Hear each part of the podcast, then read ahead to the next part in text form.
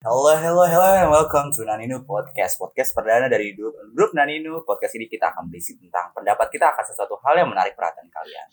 Hope you to the podcast with us. Oke, oke, oke, oke. Halo, halo, halo semuanya. Halo, Ini- halo, halo, halo. Halo. Jadi kita kayak biasa akan ngomongin sesuatu topik nih yang mungkin bakal narik perhatian kalian. Yang judulnya itu tentang teknologi. Teknologi apalagi teknologi di zaman industri 4.0. Oh ya di sini kita juga kedatangan salah satu tamu, sebuah guest Kamu yang baru. belum kita kenalin ya. Boleh saya halo dulu dong, bang. Halo bro, halo sis, halo. Terus, terus siapa? Ya nama gua Patan, pemuda 18 tahun aja pengen ngobrol-ngobrol baik, udah santai aja, jangan bawa baper ya. Oke. Ya siap, oke siap, oke siap. Santai. Prodi lo apa Bang. nih? Kita belum Udah tahu nih, rahasia, prodi lo apa udah. nih. Rahasia Lu mau tahu aja. nih. Tidak karena Ya sudah. kesuksesan tidak pengaruh oleh prodi tapi kerja keras anjay. NJAY. Gue gak bakal, gue gak bakal debat. Oh ya di sini juga selain Patan ada Ruben dari podcast yang kemarin. Saya halo Ben. Halo, halo, halo. Nah, kemudian ada Farhan. Mana sih Farhan nih? Yo, Koi. yo. Dan Javier. Hello, Biar- fokus. Lah, kita masuk ke topik. sekali bahasanya. Oh ya di sini juga dua orang teman kita yang nggak masuk. Ada Haidar sama si siapa? Si Vero. Fire. Nah, di sini kita akan ngomongin tentang teknologi nih, apalagi teknologi industri 4.0 nih. Menurut lo pada nih, apa gitu kan teknologi 4.0 ini? Menurut lo pada itu ke arah yang lebih baik atau yang ke arah lebih buruk? Coba dari Javier dulu dah. Hmm, industri Gimana, 4.0 ya. Ya teknologinya gimana? Eh, teknologinya sih pasti semua teknologi itu eh, di pikiran orang, orang itu mengarahkan ke arah yang baik lah ya.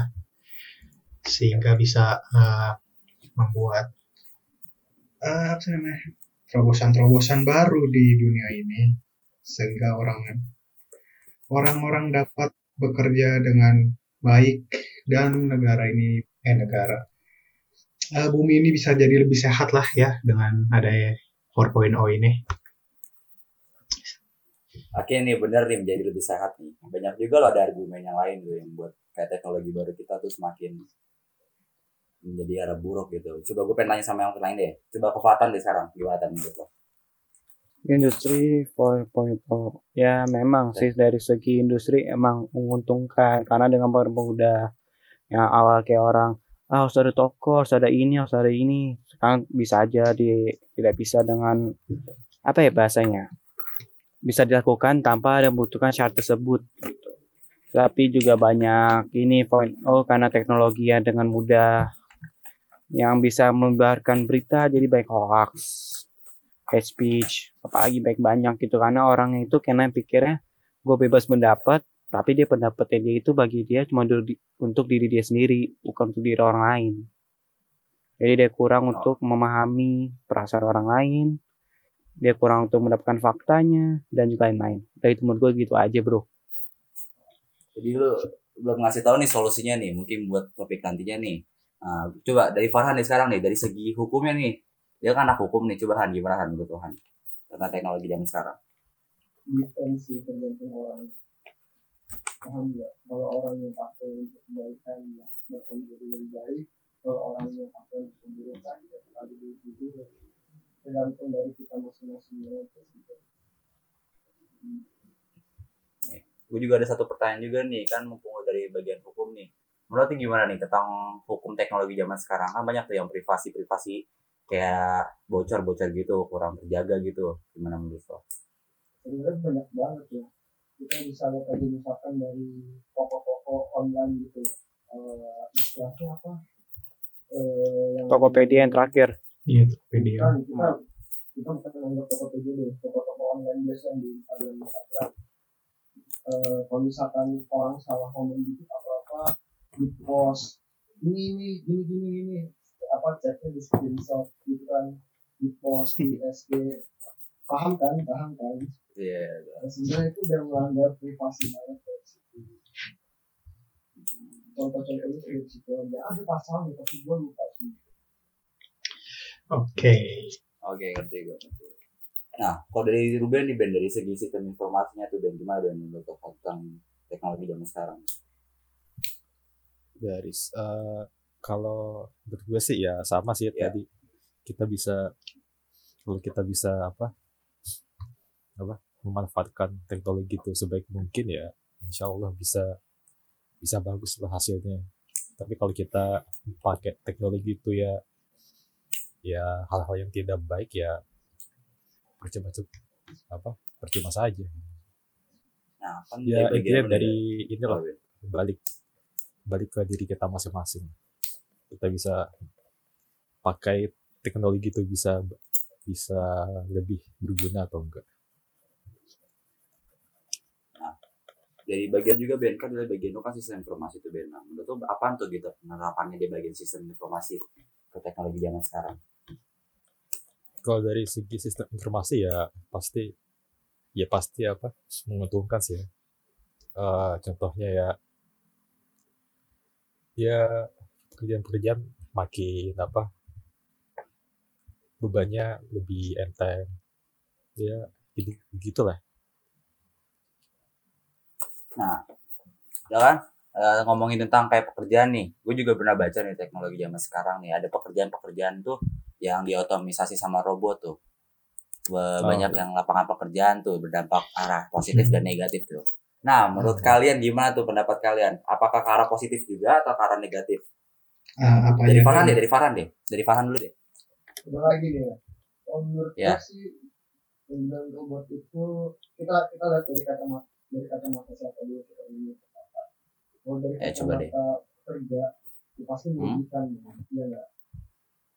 Pekerjaan jadi lebih sedikit, dari kerjanya susah. Tapi kalau kita lihat dari kacamata sebagai pengusaha, ya tentu itu bakal menguntungkan. Kenapa?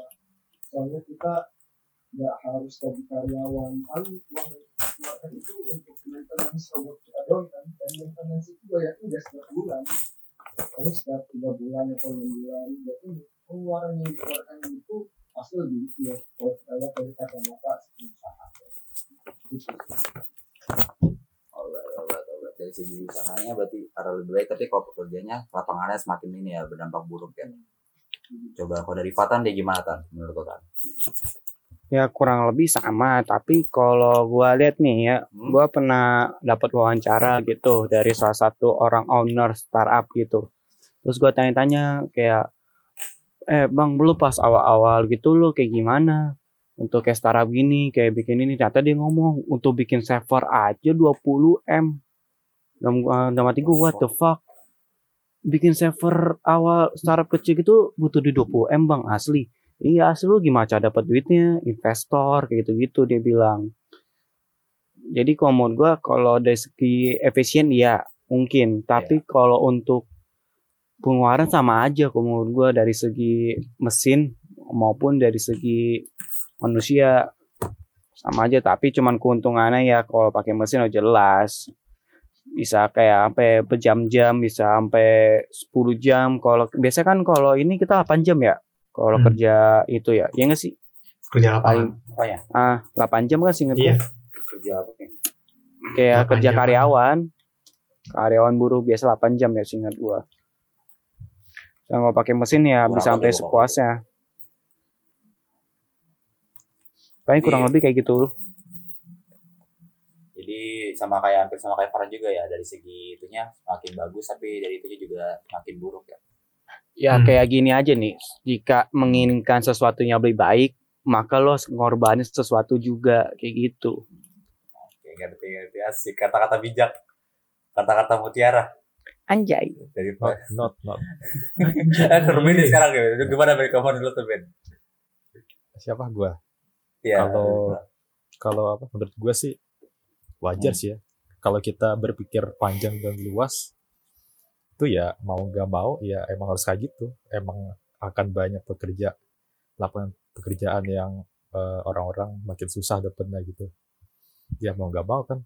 Ya soalnya kan lu kalau lihat di kartun-kartun film-film kan yang namanya masa depan kan ya eh, apa apa apa apa apa apa pakai robot pakai sosial media pakai artificial intelligence.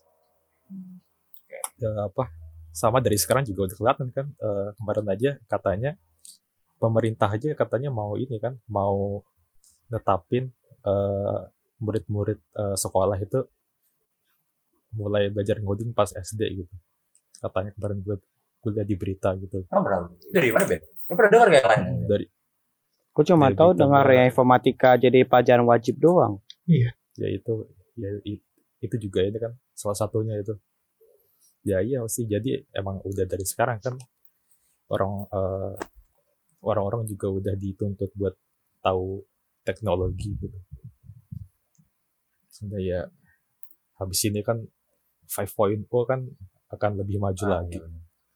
Betul, betul. itu sih Berarti ya emang ya anak-anak sekarang udah pada harus diajarin tentang teknologi dari kecil ya. iya emang ketinggalan. emang udah harus dari Nah, sekarang coba kita pindah ke Javier deh ini. Javier dari segi lu anak sastra kan, nah gimana Hmm. menurut lu pandangan tentang ini deh lapangan pekerjaan? Ya, menurut gua sastra anak sastra ya. Menurut anak sastra gitu Ya ya. dari segi anak sastra deh, Bagi pekerjaannya ya. hmm, bagi pekerjaannya. Pekerjaannya menurut gue itu masih belum bisa di ini sih di replace sama robot kalau pekerjaan anak-anak sastra begini. Soalnya kan sastra itu eh, pekerjaannya juga bisa banyak lah. Bisa apa sih namanya eh, translator, terus eh, apa sih namanya kerja di pemerintahan, sama kerja jadi kayak interpreter lah. Jadi eh, nggak cuman anak apa sih namanya anak teknologi deh yang bisa pekerjaannya itu awet sampai ke depan. Menurut gua anak sastra ya, anak sastra pun juga pekerjaannya bakal dapat terus ke depannya. Itu menurut lo kenapa bisa sampai dapat? Soalnya kan yang ada sebuah artikel yang aku baca juga tuh Javier. Hmm. Eh, katanya itu ada sebuah artificial intelligence yang bisa nge-translatein bahasa kita ke bahasa yang lainnya juga itu dengan secara otomatis lo? Ya Jadi kan ada sih, memang ada. pekerjaan buat translator juga hampir berkurang. Gimana? memang ada tapi nggak saya kurang gua kurang yakin kalau eh, Ya, eh, hasilnya itu sebagus eh, manusia. Masih belum sebagus hasil manusia. Dan kalaupun itu memang sebagus manusia itu belum diproduksi massal AI atau teknologinya. Masih masih masih masih agak jauh ya dari sekarang ya. Iya, mungkin industri 5 atau 6, nggak tahu juga sih. Kita masih belum ada kabar tentang industri 4.0 ya. Ini coba ke Farhan nih sekarang gue balik ke Farhan. Han, Han. Eh, menurut lo nih dari segi hukum deh, menurut lo ada pekerjaan gak dari segi hukum yang bakal terotomisasi dari sama industri 4.0 ini? Hmm, gimana ya kalau gue melihat sih untuk sebuah robot atau AI ya mengambil alih pekerjaan di bidang itu kayaknya masih masih jauh banget ya kayaknya dilihat juga kita ambil dari posisi notaris ya notaris lu gimana menyerahkan budget-budget Notaris apa sih? Gue gak tahu aja pekerjaannya apa. notaris itu misalkan gini lo mau beli rumah lo mau beli tanah Iya, itu iya. Eh, simpelnya surat-suratnya yang ngurus notaris simpelnya Oh, paham sih Oke, oke, oke. Paham, paham. Misalkan robot ya lu Hmm. mau beli rumah nih dengan harga yang kita anggap miliar-miliaran beli rumah Hmm. habis itu serahkan ke robot habis itu misalkan robotnya itu di hack AI itu di hack apa nggak hilang semua itu data-data misalkan gitu makanya kalau untuk pekerjaan dari bidang hukum diambil alih oleh robot mungkin untuk eh, dekat-dekat ini sih gue rasa enggak tapi nggak tahu di masa depan. Tapi mungkin bisa ya. mungkin Mungkin bisa gitu. Sebuah judge atau apa namanya hakim itu digantikan oleh robot ya. Judge Bisa. juga belum tentu juga kita lihat tadi hakim manusia aja belum tentu adil gimana hakim robot belum bisa disetting gitu loh Coba dari pandangan lain deh gimana tuh? Kan robot-robot tadi kan bisa logis juga kan tuh gimana yang lain deh. menurut gue ya Oh. Ya gimana? kalau menurut gue kalau robot menggantikan hakim gitu ya Iya. Eh, menurut gue nggak nggak bakal sih kecuali robot itu punya emosi seperti manusia anjay Hmm. soalnya kan ha- hakim itu kan. Tiba aja ya. Ya, hakim itu kan ini masih nyambung sama judgement si orang itu dan robot memang punya judgement robot kan diprogram itu Iya, aja sih gini simpelnya gini hakim yang orang aja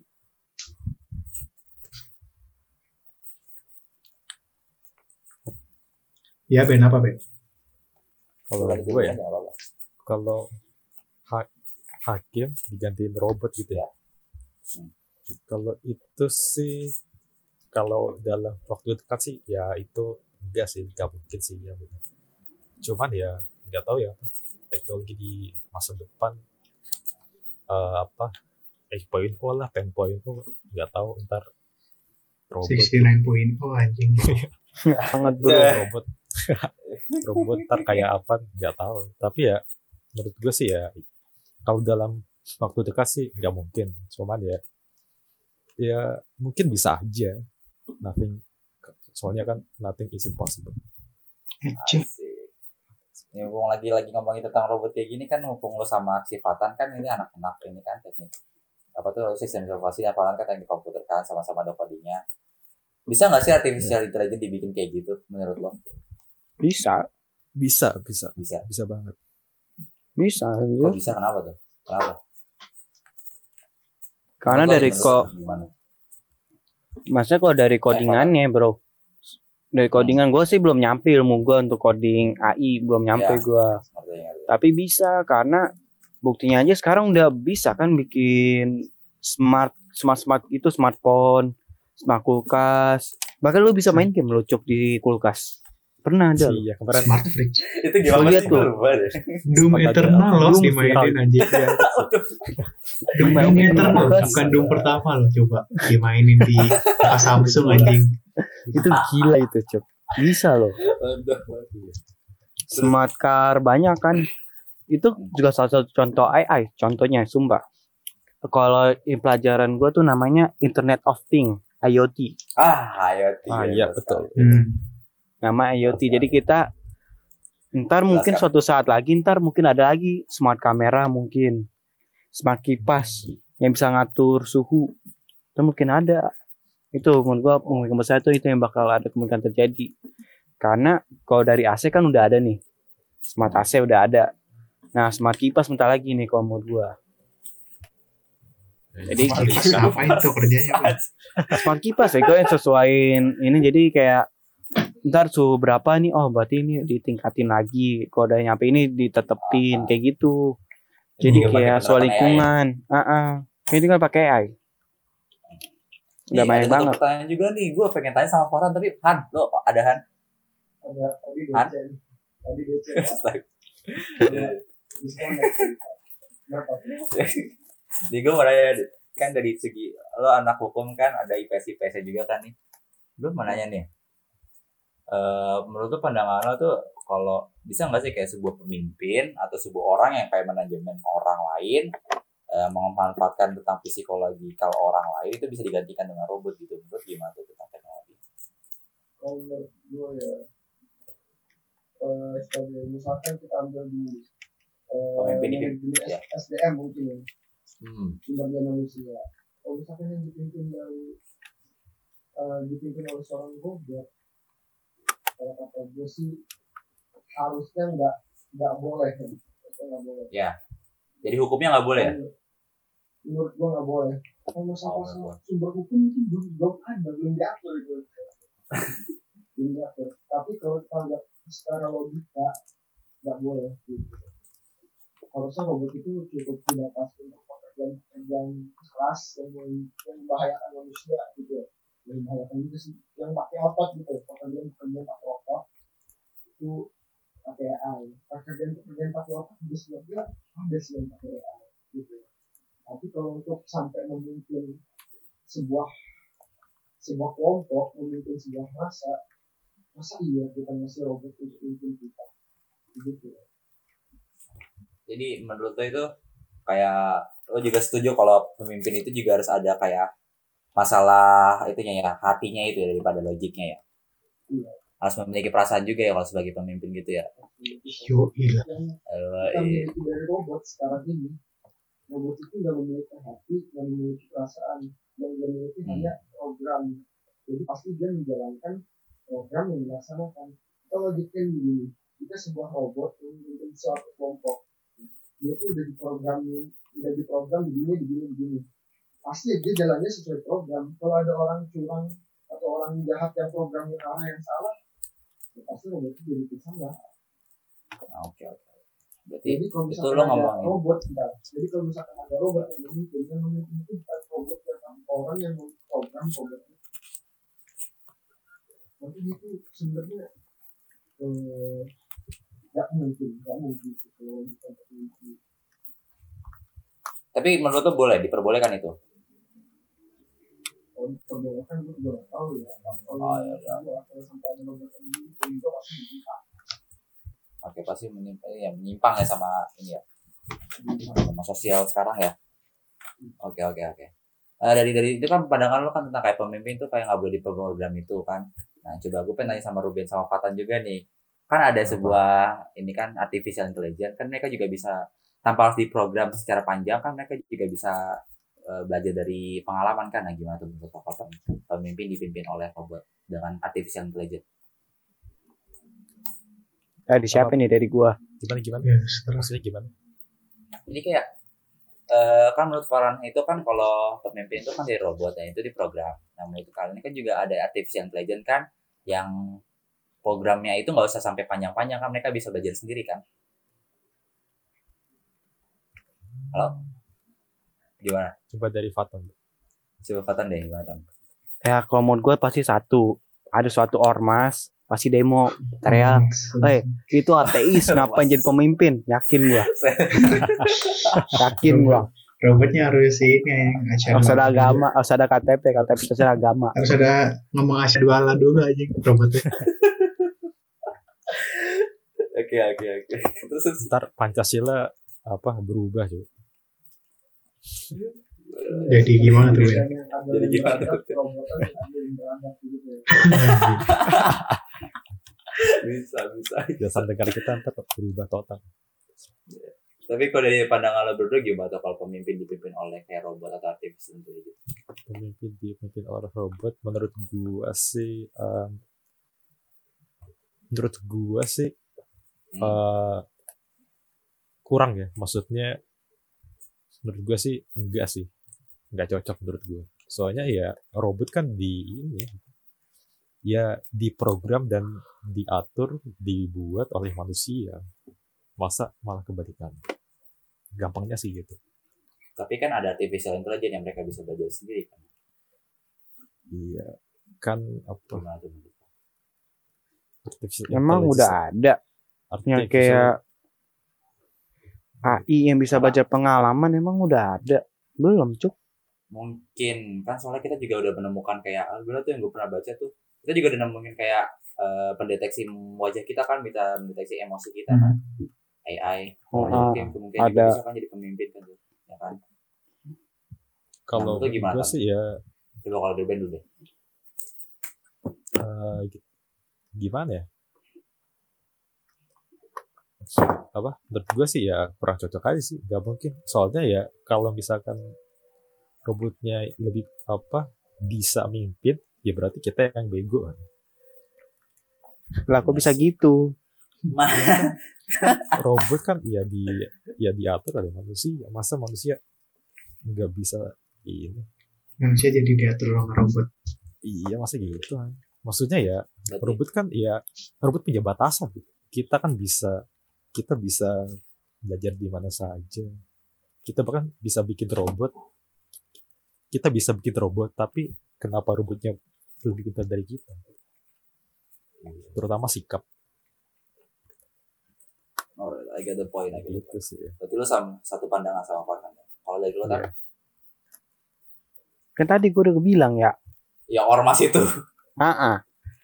pasti para demo yakin gua foto Iya, ormas lah ormas A kita bilang ormas saya datang woi ateis ngapain jadi pemimpin yakin gua Kalau di Indonesia Mas, mas. itu bener sih kayak gitu. bener kan Jadi lu setuju Indonesia jadi lu setuju atau kagak bang? Apalagi kalau ormasnya boomer-boomer semua ini. Jangan kan robot kan. Pemimpin- Jangan kan robot manusia biasa jadi gituin. Iya. adalah kasus berapa tahun aja gini ya mau Hmm, katanya Pancasila demokrasi. Nah, Oke. Eh, Telek. kan kita jadi ngomongin politik. eh. Eh, Jam petik. Jam jam ayo Jafir. Jafir. Langsung Jafir, perbaiki, perbaiki topiknya Jafir. Gimana menurut lo? perbaikin? Gimana menurut lo itu tentang pandangan tentang kayak kita dipimpin oleh robot gitu? Eh, menurut gua mungkin gak dipimpin oleh robot ya, tapi robot kayak menasehati itu. Kan Ah, robot di program di kalkulasi gitu. Ada matematika yang manusia biasa itu nggak bisa. Harus sama uh, computing harus diselesaikan dengan cara uh, computing ya. Ya otomat ya. Ya gak kayak otomat juga anjing. Lebih banyak matematika daripada otomat anjing. Ya lagi? intinya gitulah matematika yang sudah tidak bisa dicangkup oleh manusia biasa di sanalah computing uh, punya kerja kerja sendiri itu. Ya menurut gua bukan menjadi pemimpin lah tapi kayak penasehat gitu. Jadi menurut lo jadi kayak, kita nggak dipimpin sama robot, tapi robot itu kayak nasihatin kita. Iya. Tentang sesuatu ya. Kayak rekomendasi tuh yang di Grab kan tuh, iya rekomendasi makanan kayak gitu-gitu kan. iya bisa jadi Ya, ya, Ya, oke, the point. matematika emang ini ya, apa asal itu aja Pak. matematika emang bisa dipakai buat semuanya lu Iya. apa percaya atau enggak lu kalau masuk ke jurusan matematika itu ada materi cara cara meng- menghitung Tuhan Demi apa sih ada? iya jawabannya Ada. satu ada jawabannya satu The fuck? Itu di, tapi di- ada caranya ada rumusnya ada di jurusan matematika Tapi lu gak mau nyebutin universitas mana? nggak tahu apa sih gue cuma tahu di jurusan Jurusan MTK doang katanya ada Di Indonesia ada, di Indonesia ada. cara ada di Indonesia Ya, cara juga ya. Tuhan, cara apa, cara cara mengamati kehidupan pakai rumus matematika ada, rumusnya ada. Ateis ya gitu mereka yang jadi. Bisa, bisa. eh, di ada nih kita langsung masuk ke random question nih. Fat, eh Farhan mana Farhan? Tadi katanya lu mau kayak komplain sesuatu kan tentang teknologi kan? eh gimana ya Mau komplain apa? out of out of topic nanti Gak apa-apa, gak apa-apa, komplain aja, gak apa-apa komplain. Biar pada Lanjut, denger lanjut, apa yang komplainin. lanjut, lanjut. Ini kita breaking nih, kita lagi breaking, santai aja.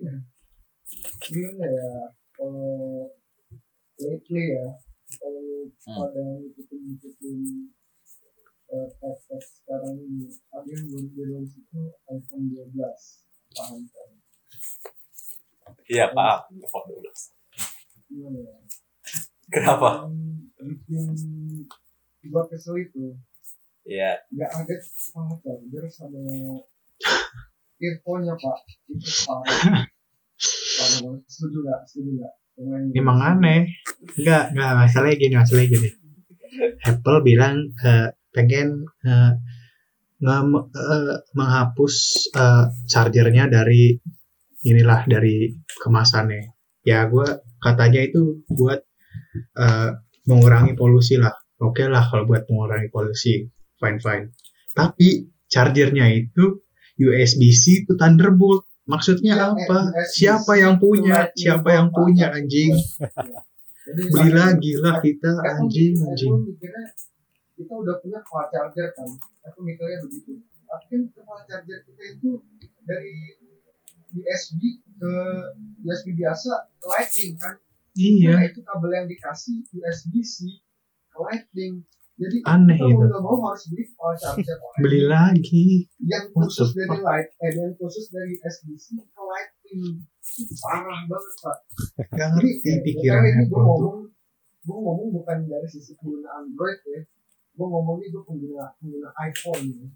yang emang bukan fanboy tapi gue nggak melabel diri gue sebagai fan fanboy gue lebih melabel diri gue sebagai pengguna perasaan doang pak sebagai pengguna gue ngeliatnya wah ya sekarang itu tai tai banget alasannya tidak logik itu tapi sumpah itu berkelintingan kelintingan banget Eh, apalagi yang mau lo komplainin tentang iPhone. Sampaikan aja biar pada tahu juga.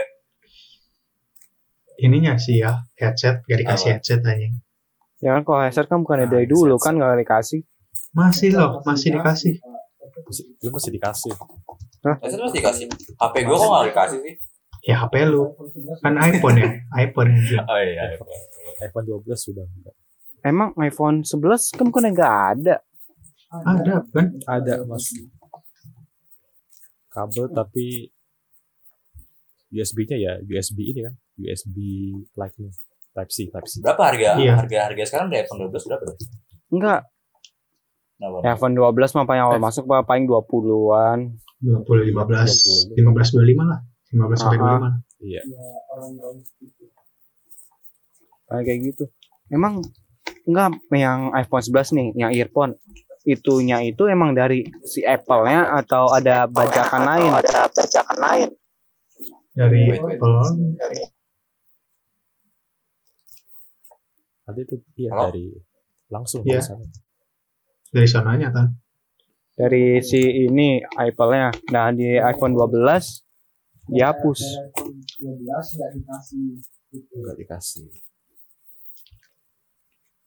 Hmm. ya gitu 11 tuh masih dikasih tapi 12 itu udah Dihilangin. lebih lah Alasannya Nah, kenapa tuh? Cuk? rumor-rumornya rumor-rumornya lagi yang berdua ya Android ngikutin lagi kayak gitu Nah masalahnya Oh, jangan Iya lah, sih. Kalau Android Android? Gimana penggunaan Android? Nggak, kalau Android ya kemungkinan. Karena kan dari kita baca dari sejarah kan pas SD kan iPhone tuh keluarnya lama kan. Sampai berapa Hmm, tahun. Sedangkan kalau Android kan cepet. Nah, ya mungkin ah, mungkin Android bis ini ngikutin Apple lagi ya. Tapi janganlah ngapain anjing. Ya kan untuk kemajuan teknologi bro. Ya, kayak gitu. charger orang butuh semua charger. Gak semua deh. orang punya charger. Itu Iya. berarti Mayoritas kalau punya sih. Gunanya itu dihilangin buat apa coba? Ya itu katanya pengen ini polusi polusi sampah lah. Tapi oh, ya nggak jelas. Dikasihnya Ah, kabelnya beda lagi anjing. Goblok. iPhone mungkin fokus apa lebih fokus ke negara maju kan. Nggak Ya, emang dari dulu fokusnya- kita yang banyak banyak orang miskin Fokusnya ya ke Karena orang kalau kaya sih Apple ya. kalau mengurangin polusi sampah ya harusnya yang dikurangi itu pemakaian jangka pendek ya kan Hmm.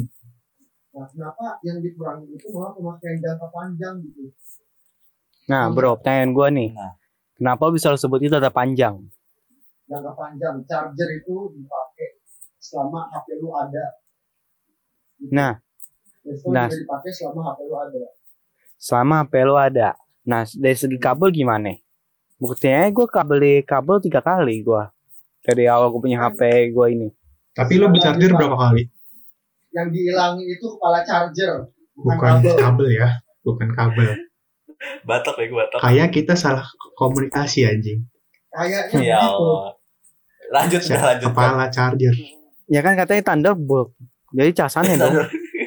Iya kepala Lightning. chargernya yang dihilangin. yang dikasih yang dikasih lightning ke USB-C tapi yang dihilangin kepala charger gitu Oh. Makanya agak jelas.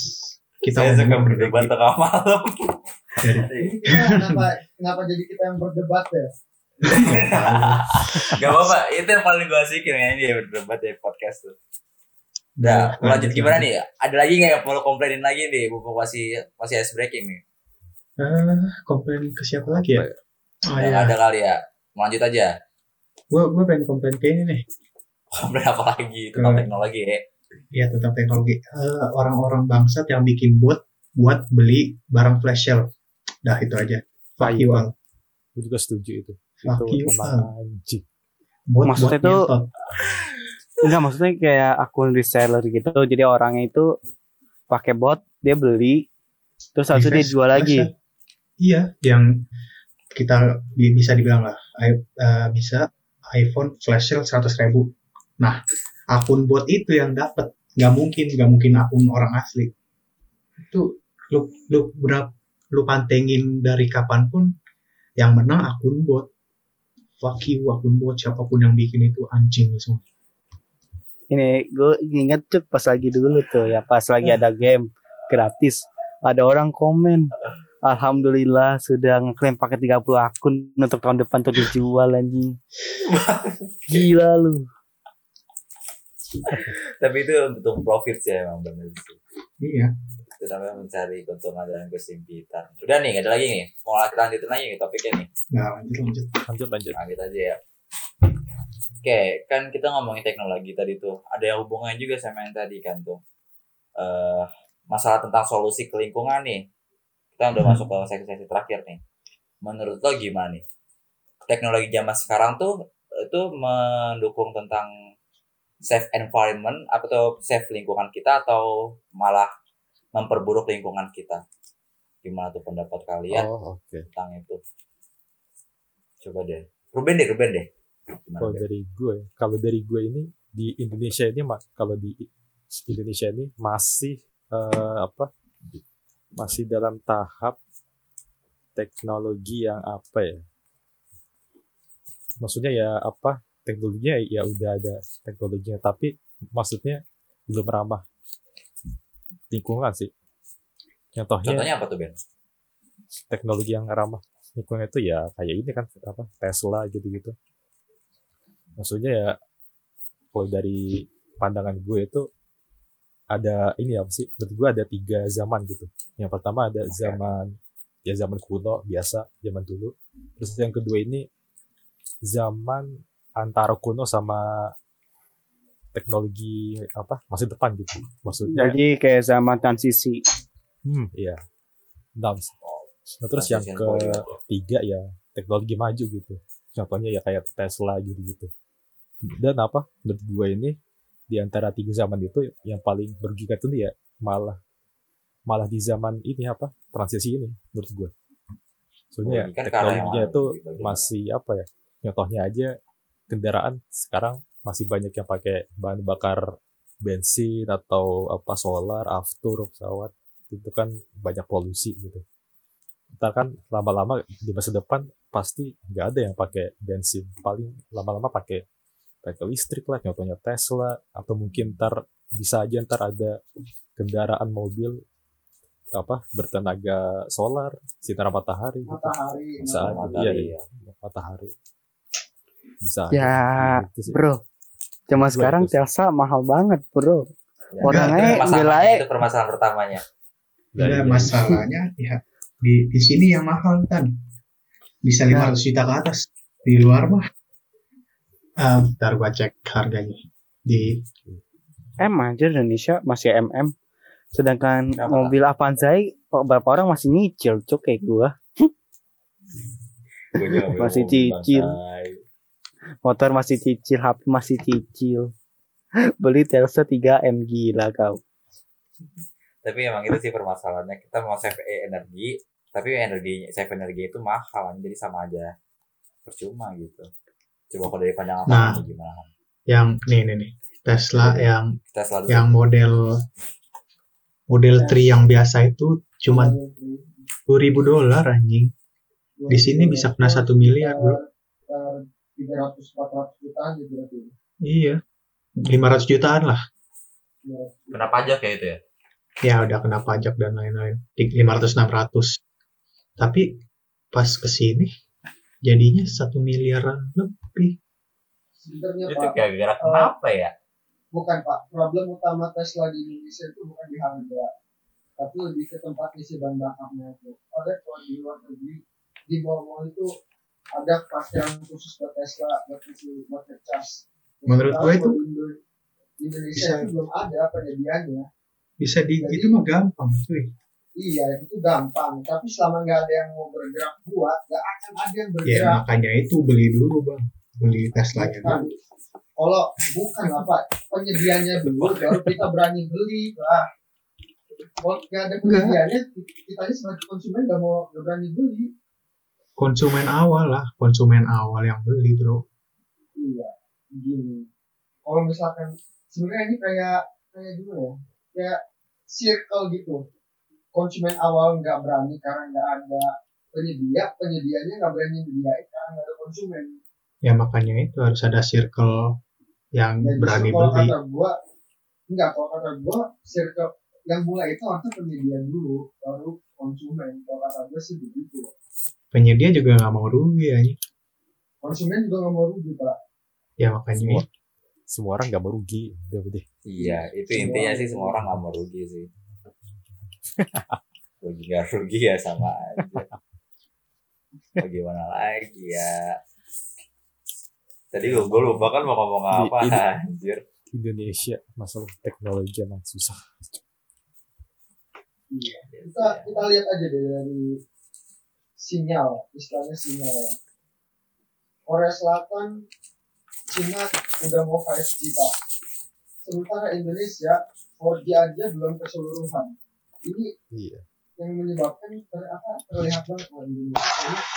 Kalau soal teknologi ini tertinggal banget. 4G juga 4G baku Pak, Tapi, tapi tapi tapi yang 4G pernah gue dengar gitu, ya kenapa? 4G-nya tuh bapuk pak. Bapuk banget. 4G Tapi- tulisannya doang 4G LTE pas di tes paling cepat 30 gig 30 30 mega. Padahal di luar, Iya. di luar sana LTE bisa sampai 100 mega kan iya Nah, itu dia itu dia pak LTE doang tulisannya tapi ngapain ke tahu. 5G gitu Iya. 4G-nya Tapi aja apa? belum bener Padahal iya apa? paling kalau Ben? nggak usah Ada fight lanjut ya. di Indonesia Indonesia untuk sekarang nggak usah dibuat 5G lah LTE-nya dulu aja bener bisa sampai 100 Mbps itu gue udah seneng banget Padahal katanya apa? Penemu 4G itu anak ITB loh. orang Indonesia iya Iya orang Indonesia. Orang orang Indonesia kan. Hmm, bener ya Iya Iya, itu benar. Dan sekarang kita Katanya. Indonesia itu dia nggak mau ke 5G itu gara-gara yang pernah gue dengar itu Indonesia pengen fokus ke infrastruktur dulu dia pengen perbaiki 4G-nya dulu itu ke semua belahan wilayah Indonesia yang pernah gue dengar kayak gitu. Makanya Makanya kita kita nggak pernah ke 5G. sebaiknya Ya apa-apa sih, LTE nggak apa-apa. di- dibenerin. Mungkin Benar. perkiraan gue ya Indonesia baru bisa dapat 5G yang cepat tiga tahun lagi dua tiga tahun lagi paling cepat.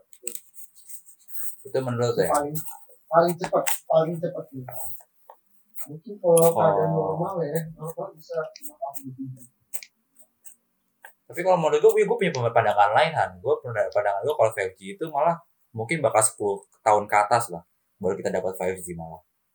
bisa juga bisa juga Bisa kan? jadi. Bisa juga kan. bisa Bisa jadi jadi kan. nggak ada yang bisa prediksi kayak gitu Makanya kan. makanya gue juga bilang iya makanya gue bilang di sini sepaling paling cepat tiga tahun tiga Hmm. tahun Terplot apa? Terplot twist ada tahun depan. Terplot twist tahun depan ada 5G di sini. Iya, tengah-tengah corona. Iya. Plot twist kaget sih. Ayo, Pak tadi ngestananya kan ada tahu kan pandang. Pak Tan, Gimana tan? Iya. jadi gimana tan Tan gimana Tan? Pendapat lu Tan? yang dapat lauk tentang 5G ya? Iya. kurang sih sumpah gua. Kalau 5G gua akui Indonesia pesimis gua. Sumpah gua akui benar pesimis. Buktinya aja gua keluar dari Romangun aja udah gak ada sinyal gua 4G nggak bohong gua. Jadi Mungkin tergantung kalau dari operatornya kali. itu lu pakai apaan tan? Operator lu? Ya adalah apa-apa kita Operator. ya. R R R Oredo eh Oredo restore aja Iya. operatornya Tiga ya, tiga ya, tiga. Bisa dia kasih tahu. Kasih tahu aja sekalian sekalian ini. Promosi gitu ya, Sekalian. Ben, ya. Promosi sekali. Nah. Boleh. Oke. Kapan kita Jangan. mau dapat promosi? Bener, bener, Kasih tahu, kasih tahu. Apa? jangan Apa? jangan jangan Mau- Jangan, bro. Oh, tri, oh, aku mau ny- mau main aman aja Gak mau kena kasus gua kasih tahu. Ya, siapa pun itu operator boleh lah ya. ke sini. Iya Supaya promosi lagi. operator R tolong untuk diperbaiki Boleh lah, boleh. Yang Iya. dengerin Kualitasnya. XL apalagi sebutin sih. Astagfirullah. XL3 XL tuh Telkomnya. Bayu, Bayu, Bayu yang baru boleh sini. Telkom bayi itu Boleh yang denger podcast ini, yang nonton podcast, podcast ini bisa kontak aja di email. Link ada di deskripsi. Udah udah. Kita bisnis bareng. Nanti kita kena su lagi kan. Kita masuk ke masuk ke sesi terakhir deh. masuk ya Kita masuk ke sesi terakhir deh. Kita mau penutupan nih. Udah malam juga. Kan dari yang dari yang kita ngomongin tadi kan kita belum ngomongin tentang solusi itu. Ada dari tentang lingkungan pencemaran lingkungan, masalah privasi dan lain-lain tentang etik etika juga tuh etika tentang pemimpin dan lain-lain. Lo pada ada nggak sih saran solusi dari lo sendiri untuk mengatasi masalah-masalah itu? Coba dimulai dari Farhan deh, gimana kan solusi ya Iya. gue nggak bisa ngasih solusi secara gamblang soalnya Ya. Setiap masalah pasti punya solusinya masing-masing. Hmm. Asik. yang kayak misalkan masalah lingkungan. Ya nggak di- yang dipikirkan Apple sebenarnya visinya itu bagus ya. Dia mengurangi apa mengurangi polusi sampah. Tapi caranya itu pak itu menyusahkan iya benar mungkin dia menyelamatkan dunia tapi dia tidak menyelamatkan dompet para konsumennya.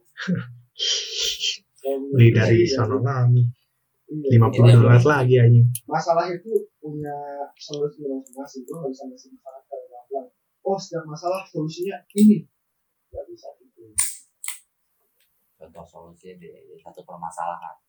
Sarannya. kita harus lihat dulu masalahnya apa penyebabnya apa kita pikir oh baru solusinya begini Jadi saran lo itu Mantap. kita harus dulu ya.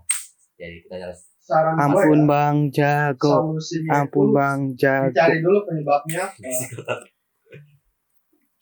ya sih benar-benar.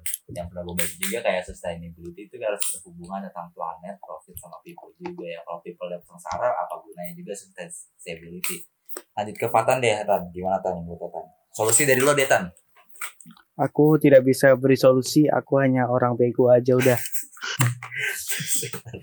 saran solusi lo, saran solusi dari satu Ah, saya cuman hanya pesin message speed aja udah nggak mau ngasih Ya. solusi saya bego udah Maksud lo pandangan Ya, terima kasih. pandangan tentang solusi. tidak ada Udah keruben, keruben deh lah. Apa? Pandangan Kalau solusi lo gimana menurut lo?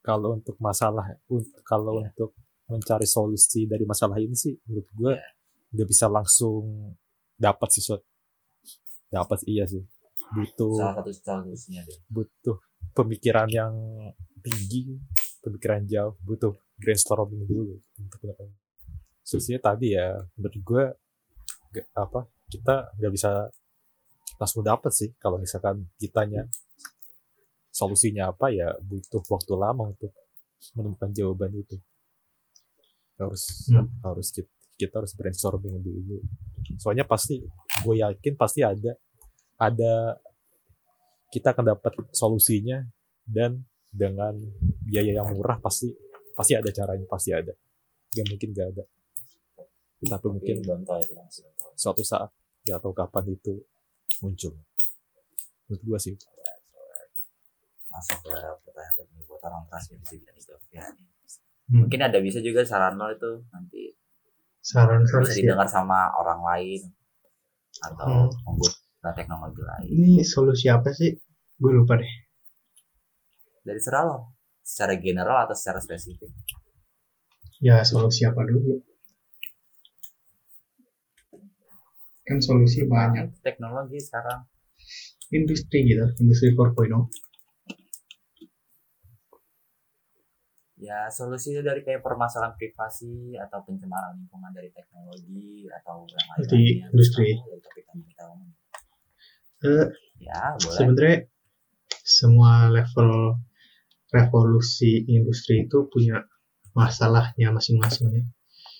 Misalnya kayak eh, industri revolusi industri pertama eh, mekanisasi eh, eh, tenaga uap, tenaga tenaga tenaga air itu punya masalahnya masing-masing. Kayak susah mencari mencari apa tuh, SDM yang bagus gitu. Itu itu sebenarnya mencari masalah eh, mencari SDM itu masalah industri satu dan dua itu masih ada. Tetapi di solusinya itu ada di revolusi industri ketiga yaitu komputasi dan otomasi nah masalahnya lagi SDM untuk komputasi dan otomasinya itu. Nyari lagi. Ya begitulah. Semua semua masalah pasti ada solusinya. Dan belum tentu solusinya itu membenarkan semua masalah.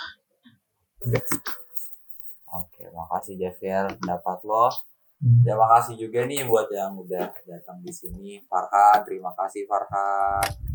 Fata, terima kasih. Udah santuy. Udah ngobrol. Terima kasih juga Ruben. Yo, Terima kasih so, Ben. Dan terakhir terima kasih juga Javier. Oke, kita langsung masuk saja untuk bagian penutupnya. Terima kasih juga untuk pada audiens yang udah pada dengerin podcast dari kita. Mungkin itu saja sekian dari podcast kali kita kali ini. Mungkin kalau ada saran-saran atau apa pun itu bisa disampaikan di kolom komentar atau yang lainnya terserah kalian DM kita. Pada mau ini enggak apa namanya? Promosi IG ya eh, kritik dan saran Tidak, bisa tidak. diterima kritik dan saran boleh dicantumkan di kolom komentar iya. kita masih newbie ya atau Ya, mungkin kritik kalian juga mau kata-katanya masih kalian juga mau berpendapat masalah topik tadi juga boleh kelibet-libet cuy dan kita juga bukan jenius-jenius ya mungkin yang kita omongin tadi itu cuman ocehan Pendapat. belaka Iya, yang ocehan dan dapat belaka belaka yang kita keluarkan dari pantat kita sendiri iya betul. ya Dan kalau misalkan ada brand-brand yang Promosi. promosi Ya, brand-brand. langsung ya. cool baby cool Beli lah ya, beli lah. Ke sini lah, tolong lah ya. Tolong Ya intinya jangan baper lah dengan podcast kita kali ini.